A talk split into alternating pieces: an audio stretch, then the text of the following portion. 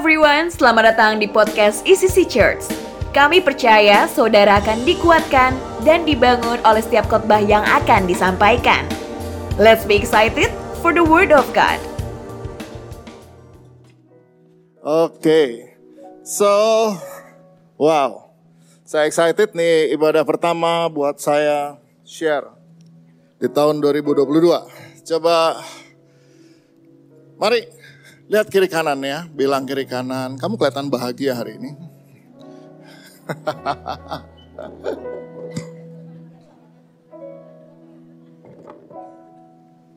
yes, yuk kita berdoa sebentar untuk firman Tuhan. Ayo berdoa supaya firman Tuhan ini menerangi mata hati kami. Menerangi pikiran kami. Membuka hal-hal yang kami belum mengerti. Saya percaya bahwa firman Tuhan itu kuat dan tajam. Dia yang memisahkan antara jiwa dengan roh kami. Dia yang bisa memecah hati yang keras sekalipun. Saya percaya firmanmu itu seperti api yang bisa membakar. Kami percaya ada kekuatan dalam firman Tuhan. So kami mau biarkan firmanmu bekerja. Roh kudusmu berkarya di dalam hidup kami. Thank you Lord. Dalam nama Yesus kami berdoa dan bersyukur. Dan semuanya percaya sama-sama katakan. Amin. Wow.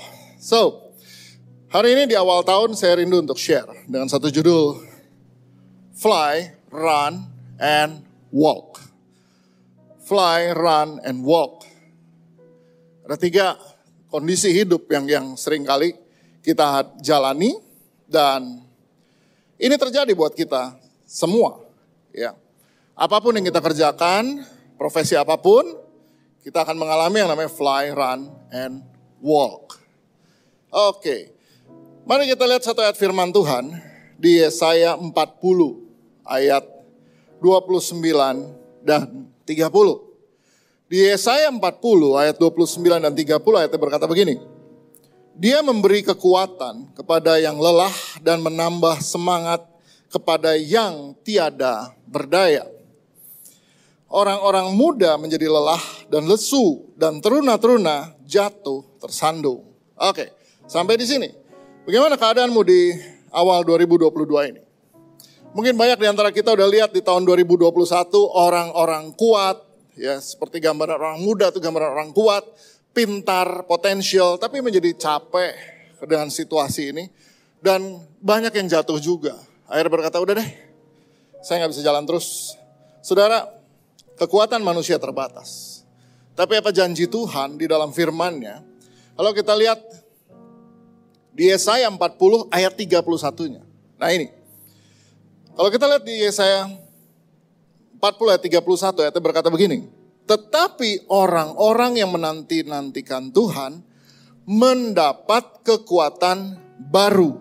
Mereka seumpama Raja Wali yang naik terbang dengan kekuatan sayapnya. Mereka berlari dan tidak menjadi lesu. Mereka berjalan dan tidak menjadi lelah. Firman Tuhan katakan dalam bahasa Inggrisnya bahkan dibilang begini, but those who wait on the Lord shall renew their strength. Dan akibatnya mereka akan terbang seperti Raja Wali, mereka akan berlari dan tidak menjadi lesu, berjalan dengan tidak menjadi lelah. Saudara, dalam hidup kita ada tiga kondisi ini yang kita bisa hadapi. Tuhan bisa membuat kita untuk terbang. Apa gambaran terbang? Terbang ini lagi bicara ada promosi naik, ada terobosan. Berapa banyak di antara saudara yang 2022 ini berharap ada kenaikan? Satu, dua, tiga, empat puluh tujuh, empat puluh delapan. Oh, oke. Okay. semua kita pengen naik. Ya, semua pengen naik. Semua pengen ada promosi. Semua ingin ada ada jabatan baru dan lain-lain. Yang yang sekolah ingin naik kelas tentu. Ya. Nggak ada anak yang ditanya kamu pengen naik. Wah, saya senang di TK. Nggak, nggak ada yang jawab itu. Semua ingin naik. Ada promosi, ada terobosan. Itulah gambaran terbang. Nah, apa itu lari? Lari itu lagi bicara percepatan. Apa yang harus kita kerjakan dua bulan selesai dalam dua minggu atau bahkan dua hari itu percepatan namanya. Yes. Berapa banyak yang pengen dalam hidupnya ada percepatan. Orang lain nunggu 12 tahun baru punya rumah. Ini 12 bulan udah dapat rumah. Wow. Wow saya udah lihat banyak terjadi percepatan dalam hidup orang. Ya. Yes. Ada yang udah menantikan jodohnya bertahun-tahun. Ya, terus tiap kali ngirim pokok doa, doakan. Ya, usia saya udah menjelang senja, udah menjelang maghrib, tapi sampai hari ini jodoh belum muncul. Tiba-tiba boom, Tuhan munculkan seseorang dan dan ya mereka jadi dan luar biasa. Itu namanya percepatan.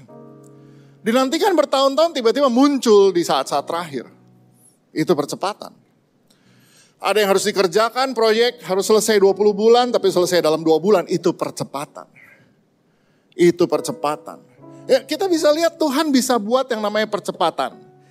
Iya, yeah. saudara ingin percepatan tahun ini?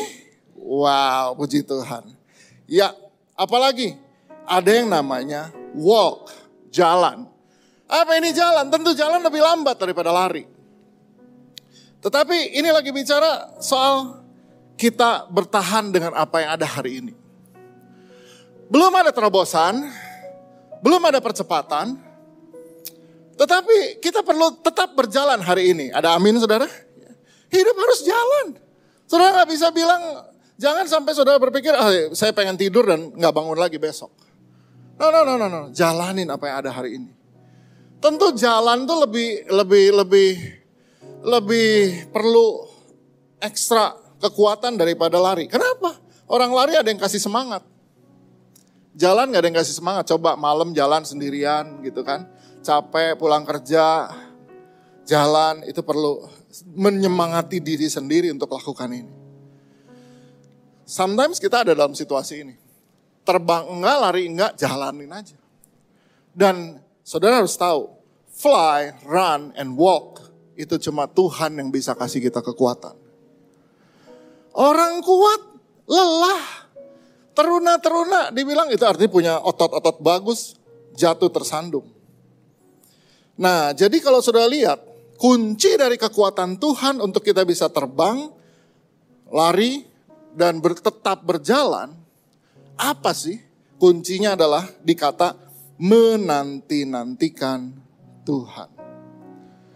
Kuncinya ada di sini. Oh, dia Kristen, saya Kristen, kamu juga Kristen. Tetapi pertanyaannya, siapa yang menanti-nantikan Tuhan? Siapa yang pakai kekuatan sendiri dan siapa yang menanti-nantikan Tuhan? Itu yang bisa kita lihat nanti di akhir tahun, hasilnya. Saya percaya setiap saudara rindu di tahun 2022 Desember nanti mencatat banyak perjalananmu dengan Tuhan selama 2022. Ada banyak terbang, ada banyak lari dan jalan yang luar biasa bersama Tuhan. Tapi kuncinya supaya kita nggak jadi lelah dan jatuh tersandung, meskipun kita ini pinter, kuat, punya energi, punya source besar, kuncinya adalah tetap menanti-nantikan Tuhan. Pertanyaannya apa itu menanti-nantikan Tuhan? Sudah harus tahu bedanya menunggu dan menanti. Menunggu versus menanti, lain. Menunggu dan menanti itu lain. Orang menunggu tuh bisa sambil tidur-tiduran. Pekerjaan membosankan menunggu itu. Menunggu tuh bisa nggak lakukan apa-apa ya nunggu aja. Ketiduran malah. Itulah menunggu. Tapi kalau menanti itu selalu siap-siap sedia dan waspada. Menantikan kereta gitu. Itu kan sudah lihat terus. Udah datang belum? Udah datang belum? Begitu datang kita langsung baris di, di tempat pintu terbuka, kemudian kita segera naik. Itu menanti. Itu menanti. Itu menanti. Jemput orang di airport gitu. Itu menanti. Semua yang keluar kita liatin. Oh, sampai ini, udah keluar belum? Udah keluar belum? Gitu. Itu menanti. Kalau menunggu bisa lihat ah ya udah tidur aja. Menunggu nggak melakukan apa-apa, menanti itu sudah tetap siap sedia dan waspada. Kita siap sedia dan waspada kapan Tuhan lakukan dan kapan Tuhan akan bawa kita terbang, lari dan berjalan. Artinya bukan di tahun ini ya udah kita nyantai aja, nggak usah bikin rencana, nggak usah ngapa-ngapain, biar Tuhan aja. Itu ada tuh oh, sebagian orang-orang Kristen yang percaya begitu. Ah ya udah gimana Tuhan, kita ngalir aja lah ngalir. Oh, nggak bisa begitu saudara. Kita tetap lakukan yang kita bisa buat, tapi kita percaya bahwa Tuhan akan bekerja di situ. tetap siap sedia dan waspada. Jangan sampai Tuhan mau bawa kita terbang, kita nggak siap. Oke. Kuncinya di menanti-nantikan Tuhan. Lalu apa yang Tuhan akan berikan? Yang Tuhan berikan kekuatan baru. Tahun ini saudara mungkin bisa untuk bisa terbang, untuk bisa berlari dan berjalan. Apa yang Tuhan berikan? Kekuatan baru. Kekuatan baru. Apa sih? Sesuatu yang sebelumnya nggak ada. Namanya juga baru. Kalau sesuatu yang baru itu berarti sebelumnya mungkin nggak ada. Sudah akan terima energi yang baru. Ada new energy. Ada energi yang baru. Kayaknya untuk kerjain ini saya semangat lagi nih. Itu Tuhan yang bisa bikin. Berapa banyak di antara saudara rasanya udah, aduh udah fed up deh. Tahun ini mungkin saudara perlu energi yang baru untuk pernikahan saudara. Ada amin? Oh saya juga perlu. Saya dan istri perlu. Tiap tahun kita perlu diperbaharui. Ya. Akhir tahun kemarin saya sama Kak kita ke Jakarta temuin uh, Pak Julianto Sinag, uh, Simanjuntak untuk marital check up. Marital check up. Supaya apa? Supaya kita tahu marriage kita ini, pernikahan kita ini masalahnya di mana. Marital check up itu ibarat badan sehat diambil darahnya untuk dicek. Kolesterolnya baik nggak, ininya baik nggak. Kalau kita sering tuh yang kayak gitu. Marital itu bukan berarti karena kita berantem. Di check up tuh karena kita berantem. Enggak. Tapi kita duduk dengerin, oh iya. Eh kita masih berbaiki loh. Ternyata saya masih kurang ini loh. Istri saya bilang, iya saya juga masih kurang ini loh. Enggak sih, dia enggak banyak kurang, saya yang banyak kurang. Nah, jadi intinya adalah kita mesti check up terus. Tahun ini kita perlu energi baru, perlu energi baru. Untuk membangun hubungan sama pasangan perlu energi baru. Untuk kerja perlu energi baru. Untuk bisa terbang, untuk bisa lari, untuk bisa jalan, perlu ide baru. New idea. Tuhan bisa kasih ide-ide baru. Tuhan bisa kasih ide baru. Di awal tahun Tuhan kasih saya banyak banget ide-ide baru. Ya, untuk untuk isi sini ke depan. Gimana sih gereja yang udah sebagian onsite, sebagian on online? Itu gimana sih ngerjainnya?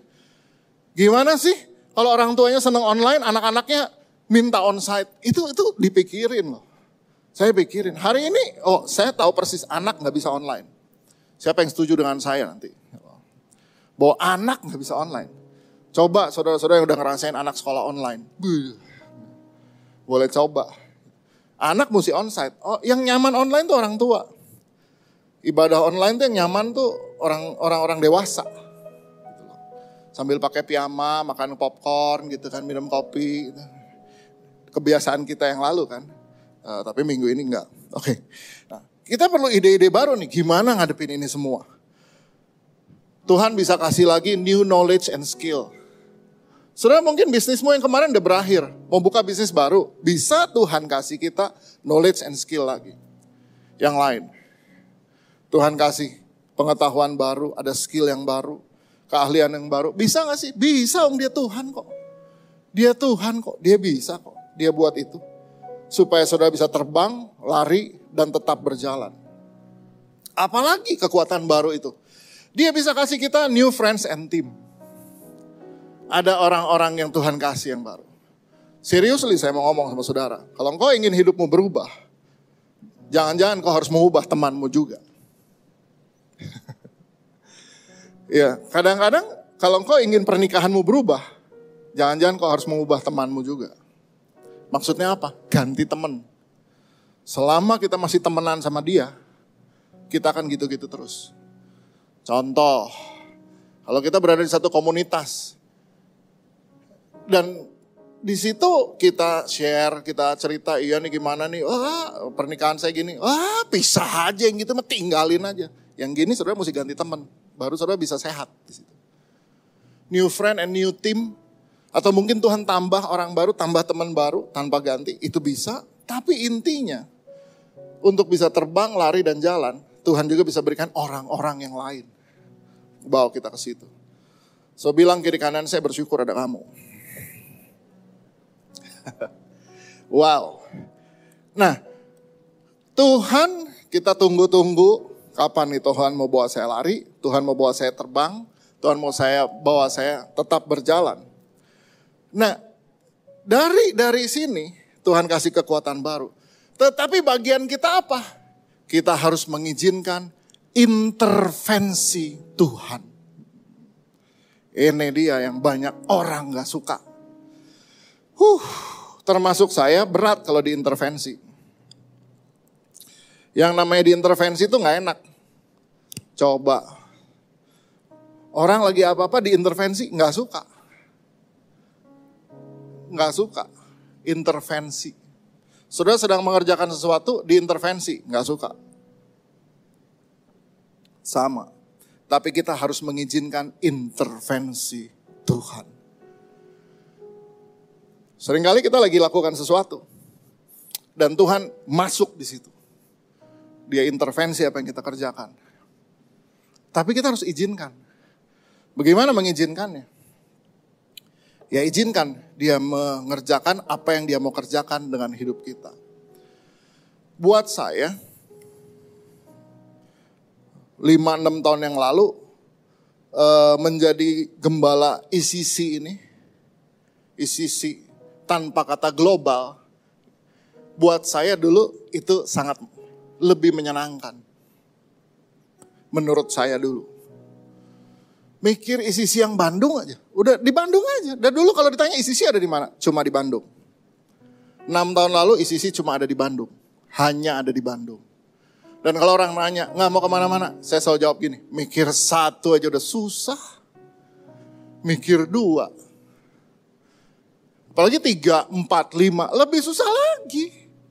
Udah satu aja isi sisa Bandung, jadi gereja gede, udah jadi gembala gereja gede.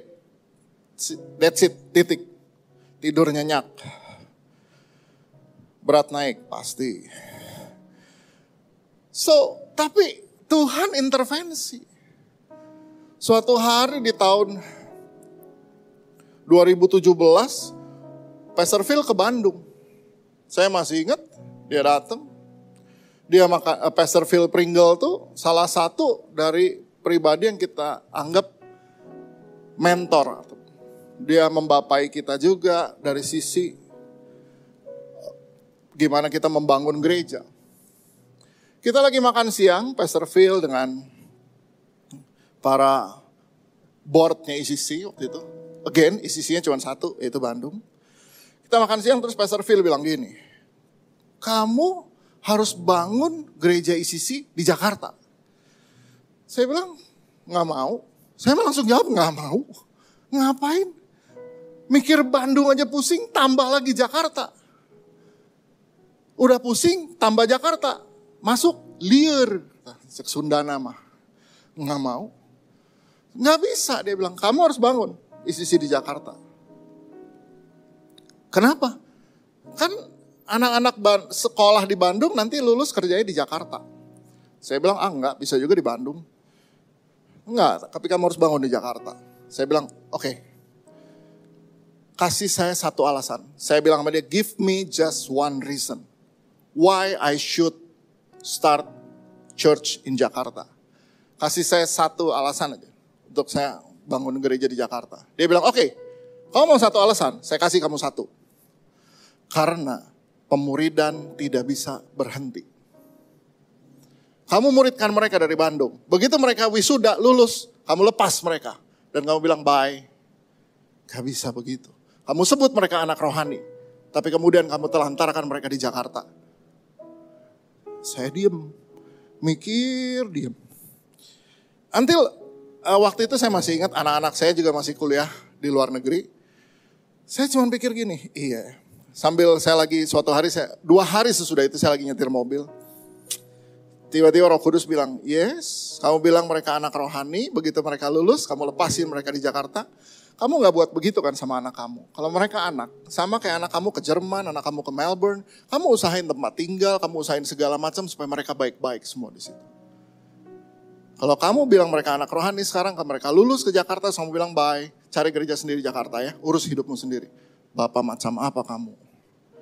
Saya nyetir sambil menangis. Dan di titik itu 2017 saya bilang, oke okay, kita start di sisi Jakarta. So kita mulai tuh isi Jakarta. Itu perjalanan masih panjang. Mulai nebeng di gedung orang. Wah pokoknya udah deh. Jadi ada gedung gereja orang kita nebeng gitu. Orang orang keluar kita baru beres-beres mau masuk. Ah kita ngalamin lah yang begitu deh. ngalamin yang begitu. Nanti kita belum selesai, oh, gereja lain udah mau masuk lagi. Kita ngalamin kok yang begitu. Oh, gitu. Benar-benar mulai dari beberapa belas orang aja. Kita yang penting kita start Jakarta. Datengin lagi anak-anak yang udah terserak-serak di Jakarta. Masih bisa dikumpulin nggak kita coba itu. 2017 jalan sebentar. Belum lahir 2017, April 2018, saya sama beberapa pastor, kita ada conference di Sydney, Australia. Conference khusus pendeta. Khusus pendeta. Khusus hamba Tuhan. Yang selenggarakan gerejanya Pastor Phil Pringle, C3 uh, International, Global. Uh, C3 Global. Jadi saya, waktu itu di tengah-tengah session Pastor Phil lagi khotbah. Kira-kira di situ ada 4.500 hamba Tuhan. Dia lagi khotbah Tahu-tahu dia berhenti, dia panggil nama saya. Sudah kebayang gak kalau lagi kayak gitu? Saya juga lupa keadaan saya lagi gimana, mungkin lagi terkantuk-kantuk juga. So, this is happen. Lihat, lihat, lihat video ini. Lihat video ini. Untung masih ketemu video. 2018 April. Lihat video sebentar. By the power of God here tonight. Many of you are going to see freedom. Pastor Nala, I see the power of God coming on you. I don't know where you are. Put your hand up in the air. There. The Spirit of God is going to come on your church with a season of revival. You're about to see Bandung touched by the power of God in Indonesia, and you will touch 10 other cities in that nation by the Holy Spirit. The anointing I have put on you is not just for Bandung, it is for other cities, other places. You will raise up a team and an army that will go and plant in Jakarta, in other cities nearby, and then in ones that are far off. By the power of my Spirit, I have called you by my spirit and by your name to bring deliverance to the captives. You will find yourself amongst witch doctors. You will be in villages where there are many witch doctors, and you will be casting out the powers of darkness and setting the captives free. In Jesus' name. Holy Spirit, you're in this house. Amen. See, come on. You imagine that? Dia masih bilang 10 kota lagi. Saya bilang Tuhan Jakarta masih numpang di rumah orang. Kita masih jadi gelandangan diusir kanan usir kiri pada masa itu. Tetapi saudara harus tahu. Lahirnya ICC Jakarta itu tidak lepas dari orang-orang yang bersedia diintervensi hidupnya oleh Tuhan. Tuhan mengintervensi hidup mereka. Siapa gembala ICC Jakarta yang memulai itu dari 2017 sampai hari ini, yaitu Pastor David dan Pastor Shani. Pastor David dan Pastor Shani. Sampai hari ini Pastor David dan Pastor Shani adalah voluntary pastor. Tahu nggak apa artinya voluntary pastor? Mereka tidak full time di gereja, berarti mereka tidak digaji oleh ICC. Mereka punya pekerjaan sendiri, mereka volunteer tiap weekend pulang pergi Bandung, Jakarta. Ini anaknya Clarice pernah ketinggalan di rest area, saudara. Itu penting dicatat. Jangan lihat isi si Jakarta yang hari ini. Dengan jumlah jemaat yang sekarang 302 orang. Mereka ibadah di gedung namanya Tamrin 8 sekarang, lantai 20. Di mana Tamrin 8? Sebelahnya Grand Indonesia, sebelahnya Plaza Indonesia. Premium areanya dari Jakarta. Dari bundaran air mancur tuh jalan sedikit. Tapi anaknya ketinggalan di rest area, sore bisa bayangkan. Karena Pastor Siani lagi sibuk telepon, suaminya isi bensin, anaknya ke toilet, mereka masuk mobil, lupa, jalan lah. Jadi kalau mau yang nanya, siapa pernah nyetil mobil di tol mundur, itulah Pastor David. Udah berapa menit mereka baru sadar anaknya ketinggalan. Hah? Anak dan mbak. Mundur di tol. Kembali ke rest area. Sudah bisa bayangkan. Itulah perjuangan mereka bangun di sisi Jakarta. Tapi pertanyaan siapa Pastor David dan Pastor Siani ini? David sendiri adalah, dia seorang bachelor jurusan Food and Beverage lulusan dari NHI. Saudara orang Bandung tahu NHI kan? National Hotel Institute. Saya masih ingat dia orang yang punya karir di dunia FB, food and beverage. Waktu dia kerja praktek di Belanda, saya sempat kunjungin dia di Belanda. Waktu itu belum menikah dengan dengan Siani. Sianinya titip empek-empek ke saya. Tapi kuahnya ketinggalan. Jadi saya bawain dia ke MP-MP ke Belanda, saya bilang nih MP-MP dari Siani, but kuahnya tertinggal. Entah dia bikin pakai apa, kuahnya pokoknya dia makan MP-MP cinta itu di Belanda. So itu pernah terjadi, dan, dan itulah hidup dia. Siani sendiri adalah sarjana S1, jurusan Business Administration. Kerja di Citibank, dia jadi best customer service selama tiga tahun berturut-turut. Best customer service tiga tahun berturut-turut. Jadi nggak usah heran kalau hari ini jadi dia jadi uh, ibu gembala the best ibu gembala dalam customer service. Ya. Karena dia pernah ada di bidang itu dan dia memang dididik dari Homesell untuk jadi begitu. Jadi saudara yang belum join Homesell, join Homesell. Itu membuat saudara juga tahu gimana kerja di marketplace.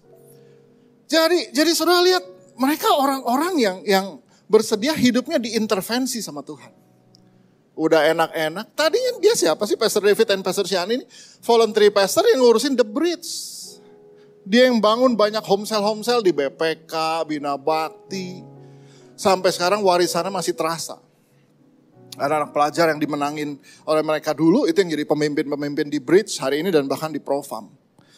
Jadi orang-orang ini bersedia hidupnya diintervensi. So lahirnya ICC Jakarta bukan hanya karena ada ada nubuatan aja, tapi ada orang yang hidupnya bersedia diintervensi. Enggak, nggak bisa begitu. Oke, siapa lagi orang-orang hebat? Sesudah Pastor Phil bicara, apalagi yang lahir? ICC Sydney lahir tahun 2018. Siapa mereka yang ada di situ gembalanya? Pastor Ronald Sianturi dan istrinya, Pastor Lani Litonga. Siapa mereka? Mereka ini ya, pasangan ini itu suami istri udah sukses hidup di Perth. Sudah tinggal di Perth, bangun hidup di Perth. Siapa Pastor Ronald dan istrinya, Pastor Lani ini? Ronald sendiri adalah S1 dari UI, Universitas Indonesia, jurusan elektro arus kuat. Jadi dia pindah ke Perth karena dapat pekerjaan di power plant. Pembangkit listrik di Perth. Udah permanen residen di Perth. Permanen residen, udah udah dan dan istrinya adalah Lani itu S1 keperawatan dari UI juga. Mereka menikah pindah ke Perth, anak lahir di Perth. Udah bangun hidup, udah punya rumah, udah punya uh, semua dia punya udah mereka permanen residen, udah hidup bahagia di Perth. Sampai kira-kira tahun 2014, saya lagi makan siang sama Pastor Victor. Pastor Victor cerita, saya baru ngunjungin satu orang nih. Dia udah beberapa bulan di Bandung, suami istri ini. Oh gitu, iya. Dan mereka ke gereja kita, karena adiknya di gereja kita. Oh oke. Okay. Itu luar biasa loh pasangan ini. Kenapa? Iya, mereka pindah ke Bandung dari Perth. Oh, kenapa pindah ke Bandung dari Perth? Jadi, mereka tuh kan udah bangun hidup di Perth. Mereka permanen resident di Perth. Suaminya udah kerja di power plant di Perth. Udah, udah bagus, udah punya rumah, udah punya semua yang harus diimpikan pasangan muda mereka punya. Oke, terus? Terus katanya suatu hari mereka di gereja mereka dengar seorang pembicara dari India. Oke. Okay? Terus gimana Pak? Pembicara ini bilang, dia tuh di India demi menjangkau mahasiswa, dia tuh sampai bikin kantin di depan sekolah, di depan kampus. Supaya mahasiswa-mahasiswa bisa makan di kantin dia dan dia bisa memberitakan Injil dan menjangkau mahasiswa. Oh, oke. Okay. Terus? Jadi setelah dengar khotbah itu, ternyata yang namanya Ronald ini nggak bisa tidur berminggu-minggu. Terus, iya, dia cuman, dia merasa Tuhan bilang, kamu udah bangun hidupmu dan saya berikan apa yang menjadi mimpimu. Sekarang, this is my turn dengan hidup kamu. Lalu, apa yang dia buat? Itu kak, kata Pastor Victor. Dijual rumahnya, berhenti dari kerjaannya, dan pindahlah mereka sekeluarga ke Bandung. Diboyong anaknya juga ke Bandung. Terus, dan mereka bikin kantin ayam bakar di depan Universitas Parahyangan.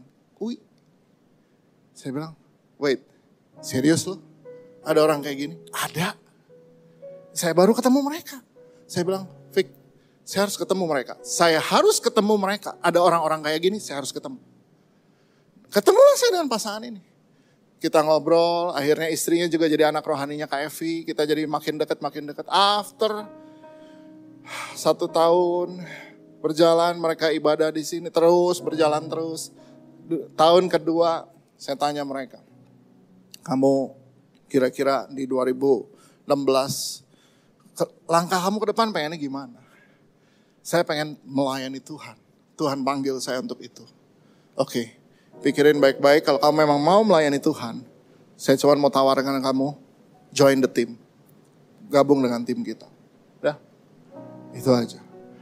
Dan beberapa bulan kemudian mereka datang lagi sama saya bilang, oke okay, kak, we join the team. Dan untuk join the team selalu semua yang jadi pastor di ICC ataupun pemimpin, leaders itu pasti kita sekolahin dulu. Oke. Okay. Jadi karena mereka punya permanen resident Australia, mereka kita kirim ke Hillsong Sydney College untuk untuk ambil jurusan pastoral. Suami sekolah, kemudian istri sekolah, anak karena mereka permanen resident sekolah gratis. So itu itu. Tapi mereka alami hidup start from zero lagi di Sydney. Dan itu yang terjadi.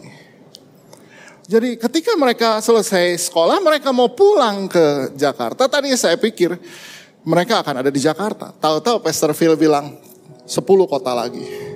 Jadi saya akhirnya kemudian dengan beberapa jemaat di Sydney, saya bilang, oke okay, Ronald Lani nggak usah pulang. Kita start ICC Sydney.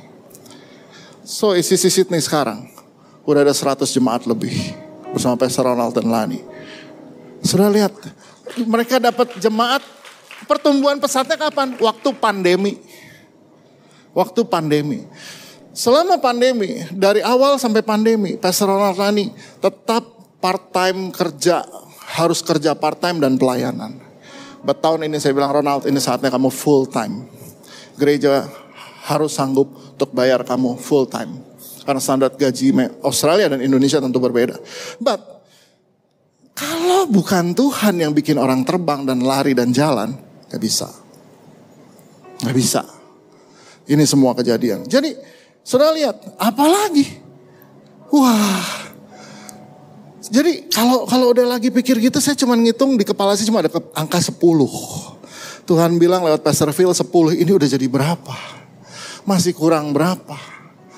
Sampai akhirnya di 2021 kemarin, pertengahan tahun, saya bicara dengan Pastor Rico, youth pastor kita. Saya tanya Pastor Rico, kamu kapan menikah? Ya, youth pastornya The Bridge ini, kamu kapan menikah? Dia bilang tahun depan kak, 2022 saya menikah. Tapi saudara harus tahu siapa Pastor Rico. Pastor Rico adalah sarjana S1, jurusan teknik industri. Sudah kerja di pabrik Honda motor di Cikarang. Didatengin sama Pastor Victor. Riko masih punya passion pelayanan nggak? Masih. Kalau masih mau punya passion pelayanan, join the team. Perlu waktu beberapa lama dia berpikir dan akhirnya dia berhenti dari Honda, dia join the team. Kita kirim dia ke Singapura, School of Theology di City Harvest Church. Rupanya waktu School of Theology dia ketemu calon istri yang lagi School of Theology juga. Namanya Sofia, Singaporean.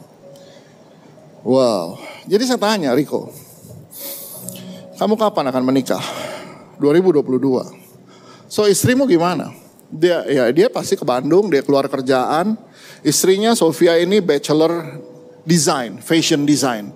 Sekarang kerjaannya juga tentu selain School of Theology dia lulus, kerja di Tommy Hilfiger So nanti kamu ke Bandung gimana? Ya kita lihatlah di Bandung apa yang bisa dikerjain. Saya bilang kayaknya Bandung bukan tempat yang bisa memaksimalkan potensi istrim. Gini deh Riko, pilih dua. Kamu mau kamu dan istri diutus ke ICC Sydney, which is buat istrimu lebih gampang ada di Sydney. Singaporean itu bagian dari Commonwealth, negara-negara persemakmuran Australia dan lain-lain. Gampang istrimu ada di Sydney. Wah, Sydney juga udah berbunga-bunga. Wah, Pastor Ronald teman, yeay, Pastor Rico akan ke sini. Atau tempat yang lain adalah belahan bumi Indonesia yang setengah Indonesia, setengah lagi barat. Ada nggak tempat kayak gitu di Indonesia? Ada. Mana? Bali. Oke. Okay. Tanya calon istrimu, pilih mana? Berapa waktu kemudian Pastor Riko datang sama saya. Dia bilang, kak aku udah tanya Sofia. Sofia bilang, dia sesudah menikah mau rintis bisnis dia di bidang craft untuk ekspor. Dan kalau itu dikerjakan di Australia lebih ribet, lebih susah. So Sofia pilih Bali. Oke, okay. New friend, new team. New energy, new idea.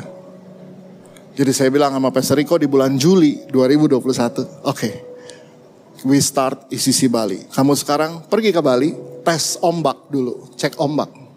Seberapa tinggi ombaknya, seberapa tinggi kamu bisa surfing di Bali. Dia start dengan kunjungin orang, dia bilang, tapi kak Bali lagi PPKM, sepi. Sampai. Datanglah di masa susah. Dan kamu akan diingat dalam hidup orang karena kamu ada di masa sulit bukan di masa jaya, di masa sulit kamu ada.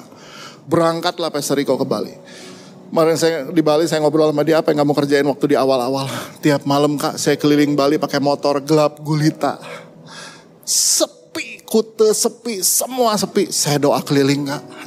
Sendirian berdoa. Dia bangun home cell komunitas demi komunitas, komunitas demi komunitas, komunitas demi komunitas. One by one sekarang mereka udah mulai ibadah minggu. Kemarin saya khotbah di minggu lalu persis saya khotbah di ibadah minggu di Bali. Tahu berapa? Dalam enam bulan 120 orang lebih ada di situ. Amen. Desember kemarin 19 Desember di sini kita Christmas celebration di sana juga Christmas celebration. Christmas on the beach. Yang khotbah Pastor Victor, 185 orang ada di situ. Berapa jiwa baru di follow up hari ini? Pastor Rico sekarang ada di Singapura, mengurus pernikahan dengan Sofia dan April nanti dia akan menikah di Bali. Jadi saya bilang sama jemaat Bali, nggak akan, pokoknya sekarang targetnya nikahin dulu Pastor Rico. Karena setelah dia menikah baru saya akan baru ada announcement lain-lain urusan ICC Bali. Kenapa? Karena saya tahu yang harus dibangun itu manusianya bukan organisasinya. Jadi saudara lihat, ada orang-orang yang hidupnya bersedia diintervensi sama Tuhan. Dan ini terjadi. Mereka bukan orang-orang buangan. Mereka bukan orang-orang gagal di marketplace makanya ada di gereja. Enggak, mereka orang berhasil di situ. Siapa lagi? Ini ini. Oh. Terus Tuhan masih bergerak? Masih. Baru Oktober kemarin saya ada di Malang. Ngapain saya ke Malang? Saya ketemu anak rohaninya Pastor Victor. Anak rohani dulu dia anak The Bridge, dia dulu di The Bridge uh, kemudian sekolah dan kemudian terhilang kira-kira selama 12 tahun. Ketemu lagi Pastor Victor, terus terus terus terus ngomong-ngomong sampai akhirnya Tuhan bicara sesuatu sama dia dan saya rasa saya harus ketemu dia. Saya ketemu dia 2021 di Malang. Siapa dia? Dialah Daniel dengan Melia. Apa yang hebat dari Daniel dan Melia? Daniel ini S1 manajemen. Udah S1 manajemen udah lulus sarjana. Dia merasa saya pengen melayani generasi. Dia ambil sekolah teologi, jadi S1 lagi teologi. Kebayang nggak hidupnya habis di sekolah, saudara. Sekolah lagi S1 teologi, sekolah. Udah selesai S1 teologi karena dia ambil sekolah teologi, dia harus praktek di gereja yang ditunjuk sama sekolah. Dia, nah itu sebabnya dia terpisah dari kita lama. Terus kemudian akhirnya dia pindah ke kota Malang karena istrinya dari Malang. Melia dari kota Malang itu ketemu di S1 uh, eh, teologi juga. Ketemu di kota Malang, mereka ngajar sebagai guru. Dan kemudian dia pengen sekolah lagi. Jadi majuin beasiswa untuk S2 teologi di Amerika. Eh dapat dong beasiswanya yang namanya Fulbright. Kalau saudara tahu beasiswa Fulbright itu berarti mereka akan dapat beasiswa untuk hidup berserta istri dan anak-anak di Amerika dapat beasiswa Fulbright. Ketika mereka lagi siap-siap berangkat ke Amerika, Tuhan bicara sesuatu sama Daniel. Kamu stay di Malang dan jangan ke Amerika. Dia kontak Pastor Victor, Pastor Victor juga datang ke Malang, Pastor Victor ceritain, Pastor Victor juga bilang, iya nggak usah kamu. Kalau Tuhan bilang gitu, ikutin Tuhan, stay di Malang. Wah di awal mereka udah punya impian Amerika men. Anak-anak akan sekolah di Amerika semua dan Amerika here I am, here I come. Tahu-tahu Tuhan bilang, kamu stay di Malang. Tuhan intervensi hidup dia. Dan dia taat. Saya ada di situ. Saya ketemu dia tahun lalu, saya bilang, oke, okay, kamu boleh start komunitas. Kita support kamu. One day ini akan menjadi isi si Malang. Ini adalah perintisan. Kenapa kita berani berlari? Kenapa kita berani berani berani terbang dan lain-lain? Karena Tuhan yang taruhkan orang-orang orang-orang orang. Again, saya harus bilang bahwa ketika kita izinkan hidup kita diintervensi, kadang-kadang kita nggak ngerti loh Tuhan lagi bikin apa di depan. Ini dari sepotong orang yang sudah lihat. Sudah tahu berapa misionaris kita ada di luar. Dan itu itu adalah orang-orang yang lahir di awal kita nggak sangka. Kita utus misionaris. Ada siapa lagi? Ada Pastor Ronald Politon. Pastor Ronald Politon dan istrinya Jane itu ada di New England City Blessing Amerika, di New England City Blessing. Siapa dia? Ronald Politon itu adalah sarjana S1 arsitektur. Istrinya Jane itu S1 farmasi dan kemudian ambil apoteker. Apoteker. Mereka orang-orang kerja.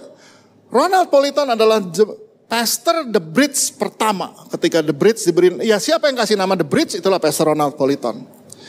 Tapi di tahun 2006 teman saya Pastor Sulfilion dari Boston, dia tanya Nal ada yang bisa bantuin nggak? Buat saya, saya selalu cari orang yang punya mimpi. Dia bilang kalau kamu memang uh, jadi oke, okay, saya akan cari tahu siapa yang yang orang-orang yang tepat untuk itu. Ketika saya tanya Pastor Ronald mau nggak kamu bantu teman saya di Amerika dan kamu ke Amerika? Dia bergumul lama dengan istrinya dan sampai Tuhan bicara sama dia, yes, kamu sih berangkat. Nggak mudah, saudara pindah dari negara dua musim. Indonesia kan cuma dua musim kan, panas dan sangat panas, cuma itu kan. Dia pindah ke negara empat musim dengan semua kultur yang lain. Tapi siapa Pastor Ronald hari ini? Dia baru beli gedung di Rochester. Gereja Rochester baru beli gedung. Jemaat dari saya khotbah 15 orang tahun 2006. Hari ini jemaatnya udah 100 lebih berlipat ganda berapa kali karena gereja Indonesia di kalau di luar negeri gereja tuh 100 tuh gede loh saudara ya gereja yang tutup juga nggak kurang di sana mah tapi orang-orang ini bersedia hidupnya diintervensi ya, sudah bayangkan anaknya lahir di sana anaknya lahir di sana so jadi karena mereka bersedia hidupnya diintervensi ada lagi siapa ada lagi Pastor Hendy dan Marina itu ada di Philadelphia di Mennonite Church di Philadelphia. Pastor Hendy itu S1 hukum Universitas Parahyangan. Cita-citanya apa? Lawyer. Tuhan intervensi. Untuk dia panggil pelayanan. Marina tadinya sekretaris saya. Dia kerja di perusahaan Amerika, kemudian Tuhan panggil dia. Dia kerja di di ICC sebagai sekretarisnya saya. Dan ketika Tuhan buka pintu untuk mereka jadi misionaris di Amerika, mereka go. Nggak mudah. Satu anak lahir di Indonesia, dua anak lahir di Amerika. Dan sekarang mereka ada di Mennonite Church, Philadelphia. Home base-nya di Philadelphia. But Pastor Hendy harus keliling di banyak negara bagian. Karena dia sangat dipakai Tuhan untuk dia komunikator yang handal. Dia orang panggung komunikator yang handal. Istrinya memang juga uh, luar biasa banget untuk membangun kehidupan dan keluarga di situ nggak gampang. Tapi mereka bersedia Tuhan intervensi hidupnya. Yang terakhir, yang baru-baru ini berangkat adalah James Henoch. Ini leadernya The Bridge. James Henoch ke, ke berangkat ke mana? Ke Jerman, Aachen, di Lighthouse Church, Aachen. Ini leadernya The Bridge. Siapa James? Dia dia baru wisuda di ITB jurusan S2. S2 di ITB jurusannya manajemen apa ya saya lupa. Oh, saya kurang, kurang ingat. Oke, okay. but dia baru wisuda. Tapi memang Tuhan bilang, kamu mesti jadi misionaris. Berangkatlah dia di Aachen. Kenapa dia di Aachen? Karena saya berhubungan baik dengan gembala Aachen dan dia bilang dia perlu orang memang. Jadi saya selalu cari siapa yang bisa berangkat lagi. Saudara, sekali lagi, ini bukan ambisi atau emosi, tetapi respons dari intervensi Tuhan. Jadi di, di awal tahun ini, saudara mungkin punya ambisi. Tahun ini saya pengen begini, tahun ini saya pengen begitu, tahun ini saya ingin begini, tahun ini saya mau buat ini. Tenang, izinkan Tuhan intervensi hidupmu. Saya harus bilang supaya saudara jangan salah ngerti. Enggak semua intervensi Tuhan bukan berarti menjadikan orang semua jadi pendeta. Tidak. Jangan, jangan semua saudara di sini jadi pendeta. Nanti siapa jemaatnya? Oke, enggak sih, masih banyak maksudnya. Tapi bukan berarti itu. Bukan berarti itu, ya. Intervensi Tuhan itu artinya mengizinkan Tuhan bekerja dalam hidup. Karena mereka orang-orang yang saya temui dan saya tahu persis gimana Tuhan bekerja, that's why saya cerita sama mereka. Tapi ada banyak businessman juga di sini yang Tuhan intervensi hidupnya dan Tuhan bawa dalam bidang-bidang yang baru yang bahkan mereka nggak pernah bayangkan sebelumnya. Makanya satu ayat terakhir, sebelum kita akhiri ini. Coba lihat firman Tuhan di Yakobus 4. Di Yakobus 4 ayatnya bilang begini, Yakobus 4 ayat 13 sampai 15. Nah, di Yakobus 4 ayat 13 sampai 15 firman Tuhan bilang begini, "Jadi sekarang hai kamu yang berkata, hari ini atau besok kami akan berangkat ke kota Anu dan di sana kami akan tinggal setahun dan berdagang serta mendapat untung. Sedang kamu tidak tahu apa yang akan terjadi besok. Apakah arti hidupmu? Hidupmu itu sama seperti uap yang sebentar saja kelihatan lalu lenyap. Sebenarnya kamu harus berkata, jika Tuhan menghendakinya, kami akan hidup dan berbuat ini dan itu. Jadi boleh nggak berbuat perencanaan? Boleh. Tapi kita harus tetap punya statement, jika Tuhan menghendakinya. Kami akan membuat ini dan itu. Jadi bikin perencanaan nggak? Bikin. Boleh punya mimpi nggak? Boleh. Tetapi di depannya harus tetap ada kata-kata, jika Tuhan menghendakinya. Dengan kata lain kita tetap mengizinkan Tuhan intervensi di tengah. Saya mau mulai bisnis ini, boleh nggak? Boleh. Saya lagi rencana ini mau beli ini properti yang ini ini. Boleh nggak? Boleh. Tapi tetap di depannya harus ada statement. Jika Tuhan menghendakinya. Kalau Tuhan berkehendak kita akan bangun ini. Kalau Tuhan menghendakinya kita akan jalani ini. Kalau Tuhan menghendakinya saya akan menikah dengan dia. Nah gitu dong. Artinya kita izinkan Tuhan intervensi termasuk dalam pasangan hidup kita. Ada amin para singles. Amin. Agak lemah amin ya kalau di situ. Takut disuruh putus kali ya sama Tuhan. Enggak, tenang, tenang. Enggak selalu begitu. Jika Tuhan menghendakinya. So, jadi masuki tahun 2022 dengan semangat.